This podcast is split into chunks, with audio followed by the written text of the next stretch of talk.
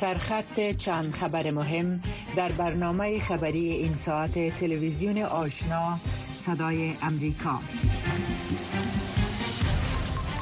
پلیس ترکیه وعده کرده است که در مورد افراد مزنون مسئول فرو ریختن ساختمان ها در زلزله ویرانگر هفته گذشته تحقیقات کامل انجام خواهد داد و تا حالا دستور توقیف 113 مزنون را صادر کرده است.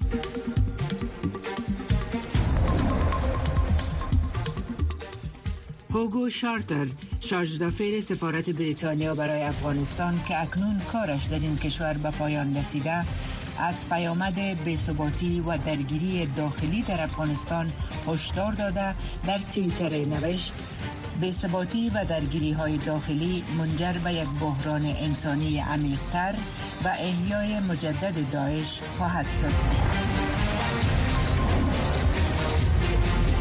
و جستین ترودو صدر اعظم کانادا روز شنبه گفت که در یک عملیات مشترک با ایالات متحده یک شی ناشناخته شده را که در ارتفاعات بالا بر فراز کانادا در حرکت بود سرنگون کردند.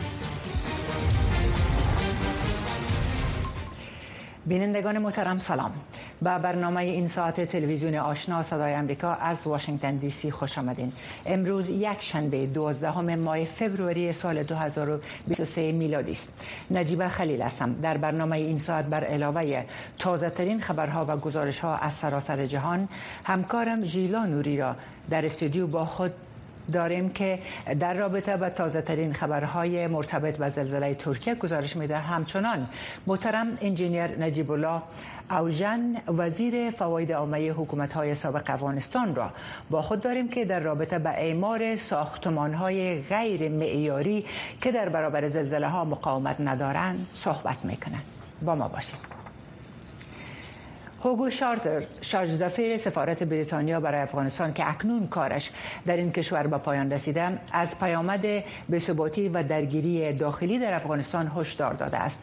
آقای شارتر در ناوقت روز شنبه در رشته توییت های گفته است که برای بریتانیا روشن است که پس از 14 چهار دهد درگیری خشونت بیشتر در افغانستان به نفع هیچ کس نیست. او نوشته است که بی‌ثباتی و درگیری های داخلی منجر به یک بحران انسانی عمیقتر و احیای مجدد داعش خواهد شد. شارتر افزوده است که راه پیشرو را راه گفتگو است. راه شارتر در توی... آقای شارتر در توییت هایش نوشت که محدودیت های زنان و دختران آزادی اساسی افغان ها را تضعیف می کند و برای رشد و ثبات پایدار افغانستان مزر است. با گفته او این دیدگاه غربی نیست بلکه انعکاس دهنده معیارهای بین المللی و دیدگاه مشترک کشورهای دارای اکثریت مسلمان است. افغانستان در جهان تنها کشور است که آموزش ثانوی تحصیلات عالی کار تفریح ورزش و حتی حمام رفتن برای زنان توسط طالبان ممنوع شده است. با افزایش حملات تحریک طالبان در هفته های اخیر. امران خان صدر اعظم پیشین این کشور می‌گوید که غفلت نیروهای امنیتی به تحریک طالبان پاکستان اجازه داده تا فعالیت های خود را از سر بگیرد.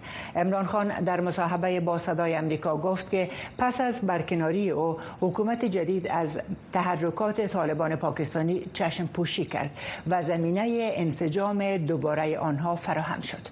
در هفته های اخیر حملات تحریک طالبان پاکستان افزایش یافته است که در اثر آن صدها نفر به شمول نیروهای امنیتی پاکستان کشته شده و روابط اسلام آباد با حکومت طالبان در افغانستان که روابط نزدیک با تحریک طالبان پاکستان دارد کشیده شده است. تهدید طالبان پاکستان بیشتر شد و ممکن آنان دوباره منسجم شده باشند. پس نیروهای امنیتی پاکستان کجا بودند؟ اداره های استخباراتی کجا بودند؟ آیا آنان نمی‌دانستند که طالبان دوباره منسجم می شوند بنابراین مشکل این است که چگونه می توانیم ما مسئول به توجهی آنان باشیم؟ مقام های پاکستانی ادعا می کنند که حملات تحریک طالبان پاکستان در پایگاه های آن گروه در خاک افغانستان طراحی می شود اما طالبان انجام حملات تروریستی فرامرزی از افغانستان را رد می کنند هیئت معاونت ملل متحد برای افغانستان روز یک شنبه گفته است که روزا اوتانبایووا نماینده ویژه سرمنشی ملل متحد برای افغانستان در دیدار با عبدالحکیم شرعی سرپرست وزارت عدلیه حکومت طالبان ضمن اشاره به تمدید مجوز 1200 وکیل مدافع مرد از وزیر عدلیه حکومت طالبان خواست تا مجوزهای وکیل مدافع زن را نیز تمدید کند که تخصص آنها برای امکان دسترسی عادلانه به عدالت برای زنان و کودکان افغان حیاتی است. در اعلامیه یونما آمده است که حاکمان کنونی افغانستان در یک اقدام تبعیض آمیز تلاش کردند تا همه قضات، سارنوالان و وکلای مدافع زن را از سیستم حقوقی افغانستان حذف کنند. بر اساس آمار کارشناسان ملل متحد پس از مسلط شدن مجدد طالبان بر افغانستان 250 قاضی زن که 10 درصد قضات افغانستان را تشکیل می‌دادند از وظایفشان اخراج شدند و در این مدت صدها سارنوال و وکیل مدافع نیز از وظایفشان برکنار شدند. جنبش اصلی زنان مقتدر افغانستان از بازداشت یک فعال حقوق زن توسط افراد طالبان در تخار خبر داده و می‌گوید که تاکنون از سرنوشت این زن معترض هیچ خبر نیست. مونسه مبارز بنیانگذار این جنبش روز یک به صدای امریکا گفت که این زن پریسا مبارز نام دارد و صبح روز گذشته با برادرش توسط طالبان در شهر طالقان بازداشت شده است. و گفته وی پریسا مبارز مسئولیت نمایندگی جنبش اصلی زنان مقتدر افغانستان را در تخار به عهده داشت و اخیرا چندین مظاهره را علیه سیاست های سختگیرانه طالبان در آن ولایت راه اندازی کرده بود. در همین حال گزارشگر ویژه شورای حقوق بشر سازمان ملل متحد از بازداشت پریسا مبارز توسط طالبان در تخار ابراز نگرانی کرده و خواستار رهایی بیدرنگ این زن معترض شده است. زده یکونیم سال سلطه طالبان بر افغانستان. بررسی حقوق بشر و آزادی های زنان حکومت داری بحران اقتصادی و بشری وضعیت امنیتی آزادی های مدنی و بیان در افغانستان در 18 ماه گذشته. برنامه های ویژه ما را در نشرات تلویزیونی رادیویی ماهواره‌ای و دیجیتالی صدای امریکا و تاریخ 15 ماه فوریه دنبال کنید. ترکیه حکم توقیف 113 نفر را به زن مسئول شناختن علت فرو ریختن ساختمان ها در زلزله هفته گذشته ترکیه صادر کرده است. یک تن از این افراد قبل از سفر به مونتونیگرو در میدان هوایی ترکیه توقیف شد. در حالی که تلاش ها برای نجات افراد از زیر آوار ساختمان ها ادامه دارد رقم افراد جان باخته زلزله در ترکیه و سوریه به بیش از 33 هزار نفر بالا رفته است.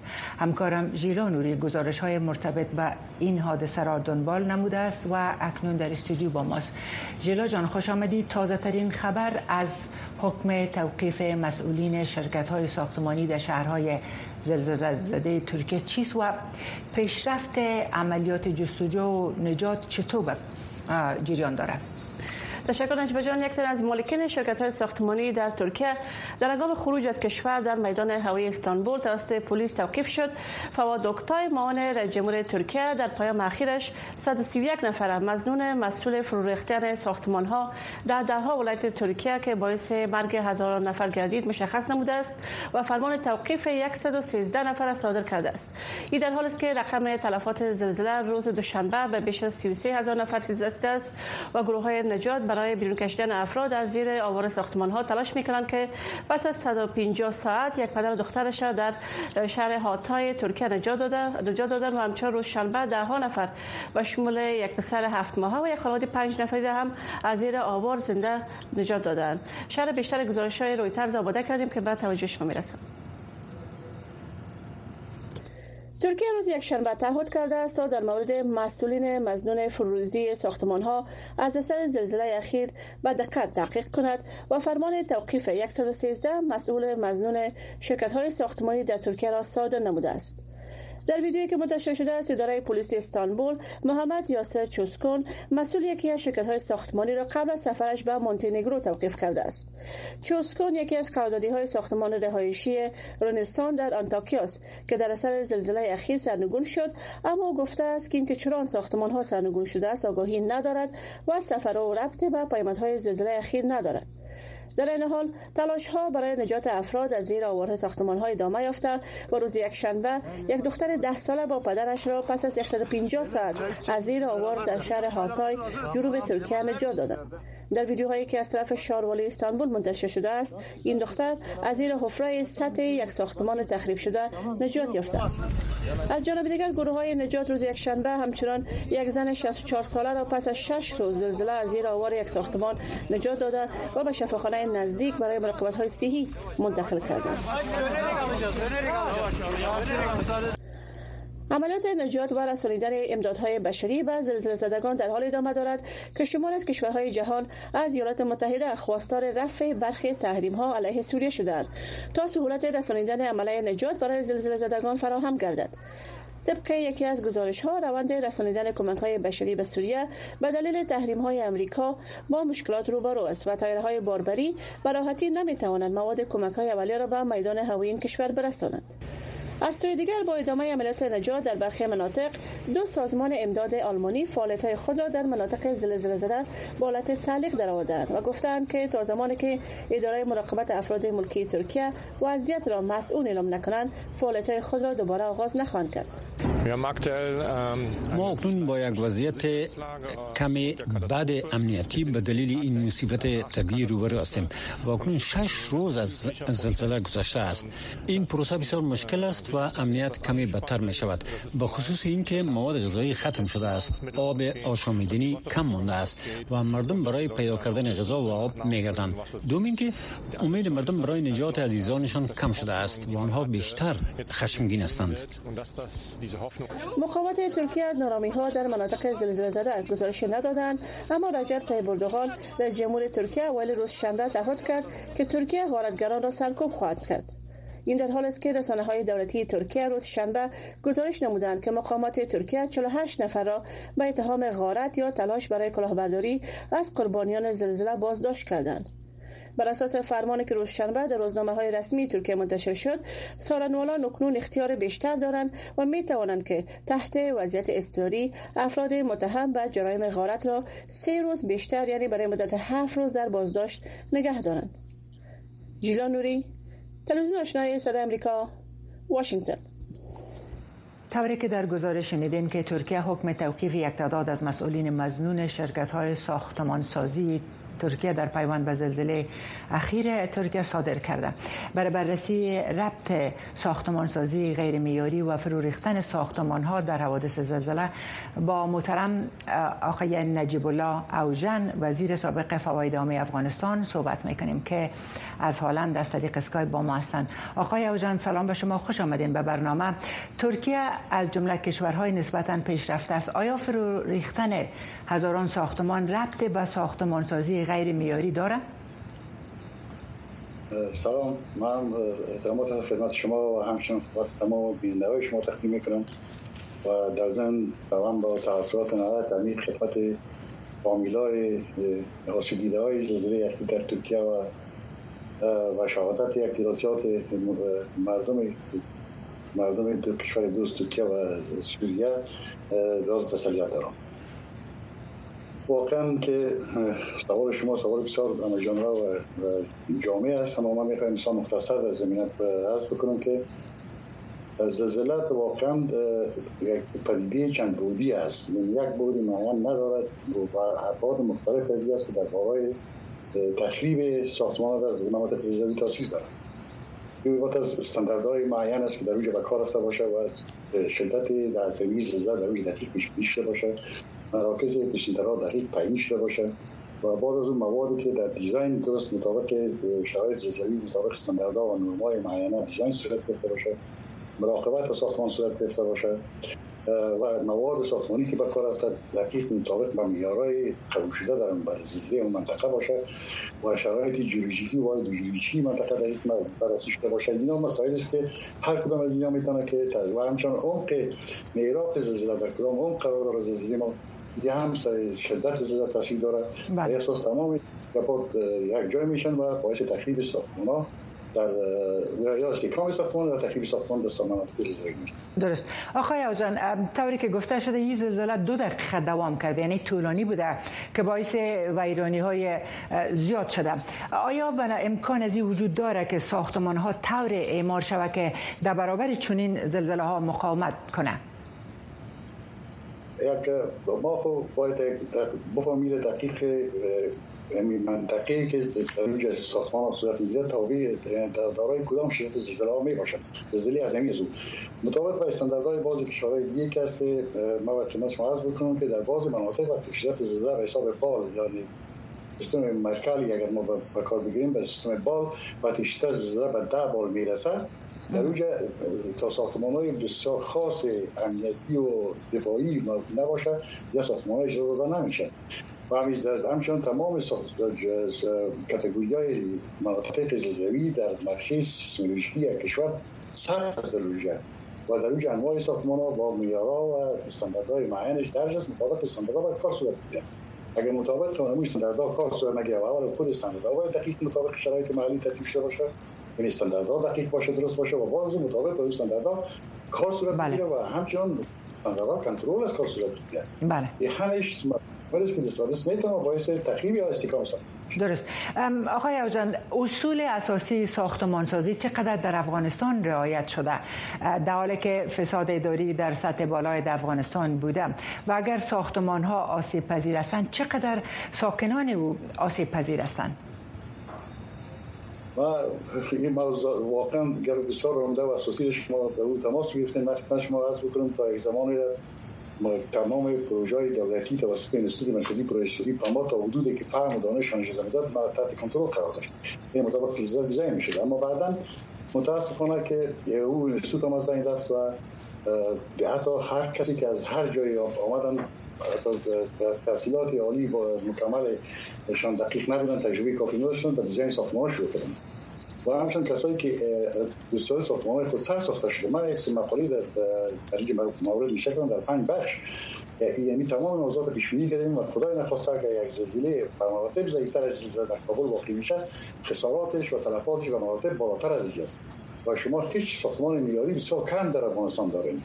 متاسفانه نه استاندارد ما داریم استانداردهای من داریم نه نورهای زلزله داریم نه تثبیت مناطق زلزله خود دقیق داریم. و اساس همه کارهای ما به تاریکی روان است. متاسفانه که یعنی گپایی است که امروز ما سخت پریشان هستیم و و مرکز کنترلی که دولت حاکمیت داشته از توسط پما بود. درست. متاسفانه وجود نداره درست چنانچه که ادعا میشه یک تعداد زیاد از ساختمان ها در افغانستان میگن که به شکل معیاری ساخته نشده. در هر وقت کوتاه یک سوال دیگه از شما می‌پرسم که آیا دولت که مسئولیت نظارت از ساختمان های معیاری را داره او پاسخگوست در چنین حالتی که در آنچه که در ترکیه و سوریه اتفاق افتاد یا ای که مالکین کمپانی های ساختمانی؟ همه کس برای شما برای اول گفتم که زلزله یک موضوع چند بودی است. تا به یک بود سو نمی‌تونه که یک بود ما بگیم این مقصر است. همه بودا باید درست دقیق بررسی شود که علت تخریب از چی بوده. آیا درست دیزاین شده؟ آیا درست مواد به کار رفته؟ آیا نرما و استانداردها مراعات شده؟ آیا کنترل و مراقبت صورت گرفته؟ و هزارات دلایل کارهای دیگه است که باید در, در, در زمان اعمار صورت بگیره متاسفانه این اینا اگر صورت نگرفته باشه کل از اینا مسئول هستن. هم دولت مسئول است هم مردم ساختمانچی مسئول است هم دیزاینر مسئول است و یا یک از اینا اینا میشه مثلا کل دیزاین و مواد و کلش صحیح سر ما تصفیقات درستیم مطابق جیولوژیکی دقیق صورت نگرفته باعث تکمیل شده شما متوجه هستیم که در عین ساعت باز و ساختمان های ساعت است با ساختمان. بله. خودش نشان میده شما اگر برای همین زلزله در همین صورت گرفته تخریب شد ببینید شما یک ساختمان های ساده است. درست بله.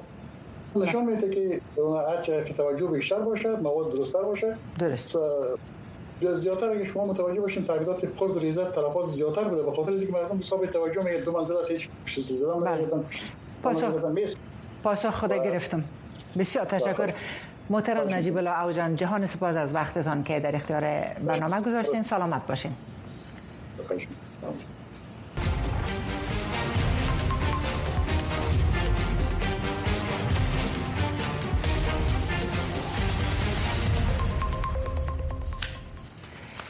جاستین ترودو صدر اعظم کانادا روز شنبه گفت که در یک عملیات مشترک با ایالات متحده یک شی شناخته ناشده را که در ارتفاعات بالا بر فراز کانادا در حرکت بود سرنگون کردند.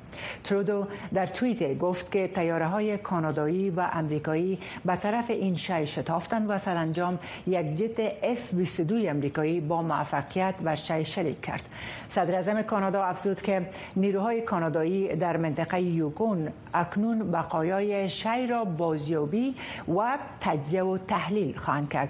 ترودو در مورد این شی جزئیات بیشتر ارائه نکرده اما گفته است که با جو بایدن رئیس جمهور ایالات متحده در مورد این تهاجم صحبت کرده است.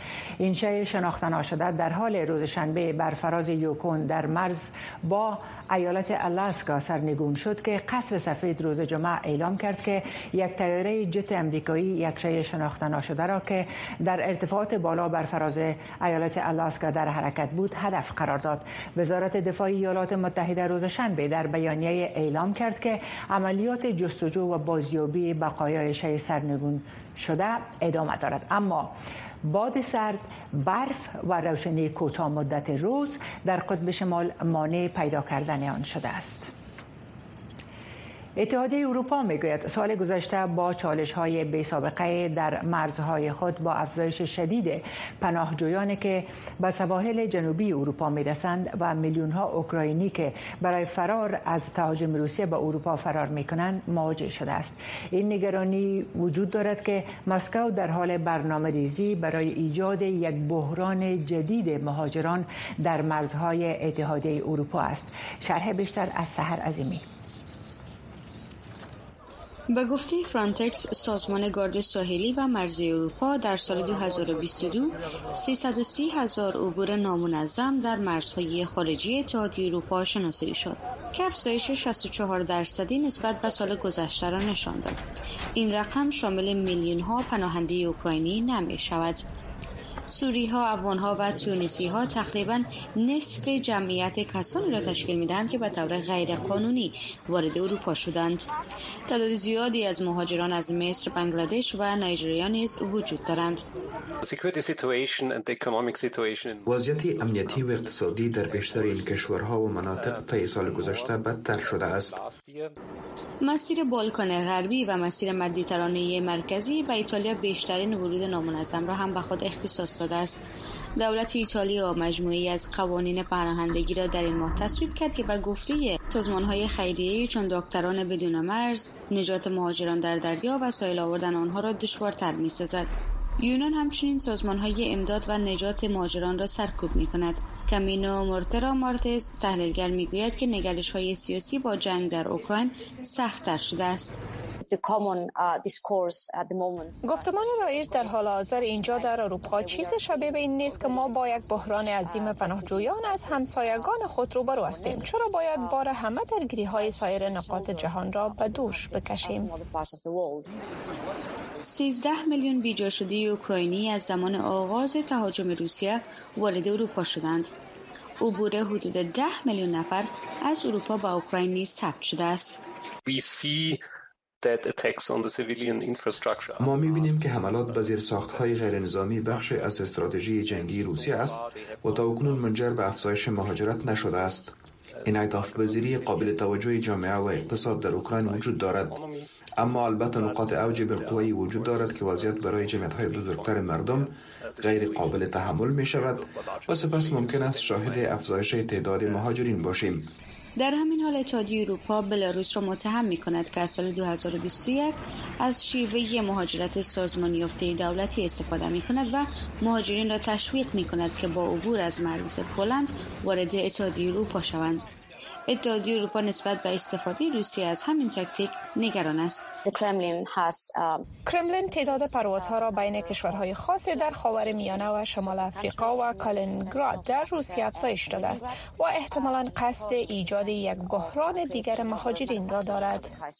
نشست ویژه سران اروپا با هدف توافق بر سر سیاست مشترک اتحادیه اروپا در مورد مهاجرت قرار است ماه آینده برگزار شود. ناظران می‌گویند که با وجود اختلافات طولانی مدت بین کشورهای عضو بعید به نظر می رسد که پیشرفتی حاصل شود.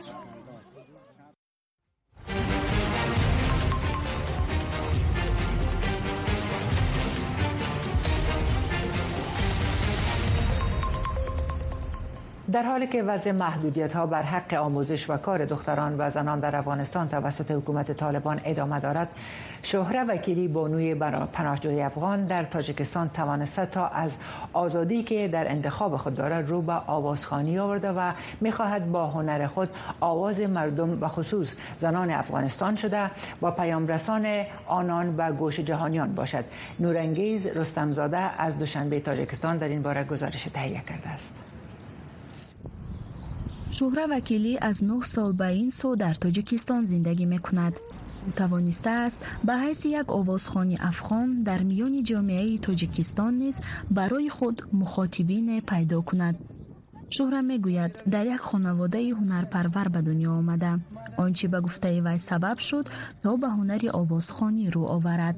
Аввалин ҷое ки шурӯъ кардам болои сандалӣ буд то ҷое ки ба ёд дорам зимистон мебуд. Ҳамаги гирди сандалӣ мешитан боз бартон як оҳанг мехонам. Бартон як оҳанг мехонам боз замзама мекардам. Шӯҳра мегӯяд ки барои овозхон шудан танҳо орзуҳои кӯдакӣ ва истеъдод кофӣ нест балки бояд дар ин роҳ талош ва кор низ кард. این بانوی جوانی افغان در کنار آوازخانی در یکی از مراکز آموزشی شهر وحدت تاجیکستان در بخش پذیرش کار می کند تا باشد از درآمد آن برای پیشبرد زندگی هنری خود استفاده کند.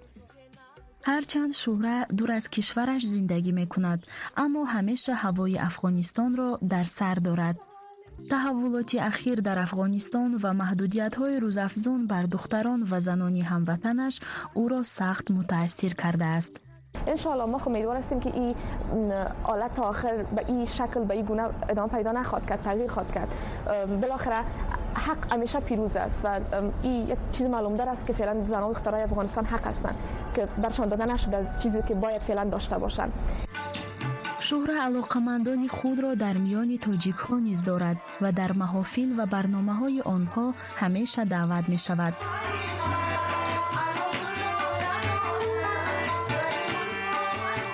شهره می گوید که زندگی در تاجیکستان فرصت پیشرفت را برای نسبت به افغانستان به مراتب فعلا آسانتر و امکان پذیر است برای من چون هرچی نباشه تاجیکستان کشوری است که اینجا به هنر خانم ها به حق انتخاب خانم ها و دخترها برشان احترام داده میشه یا بر از راه باز مانده شده که حداقل برای خود خودشان راه خود را انتخاب بکنن. این آوازخانی افغان می‌گوید که با تازه ترین آهنگش به نام سیاه و سفید تلاش کرده تا درد کشورش را باز تاب دهد. مردم بی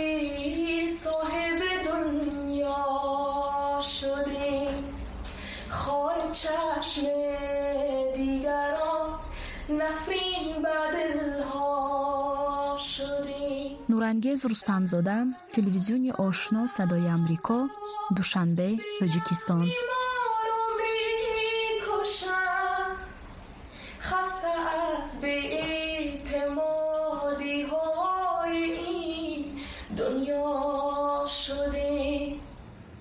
بینندگان محترم برنامه داری در اینجا به پایان می‌رسه تشکر از وقتتان. شب و روزتان بخیر.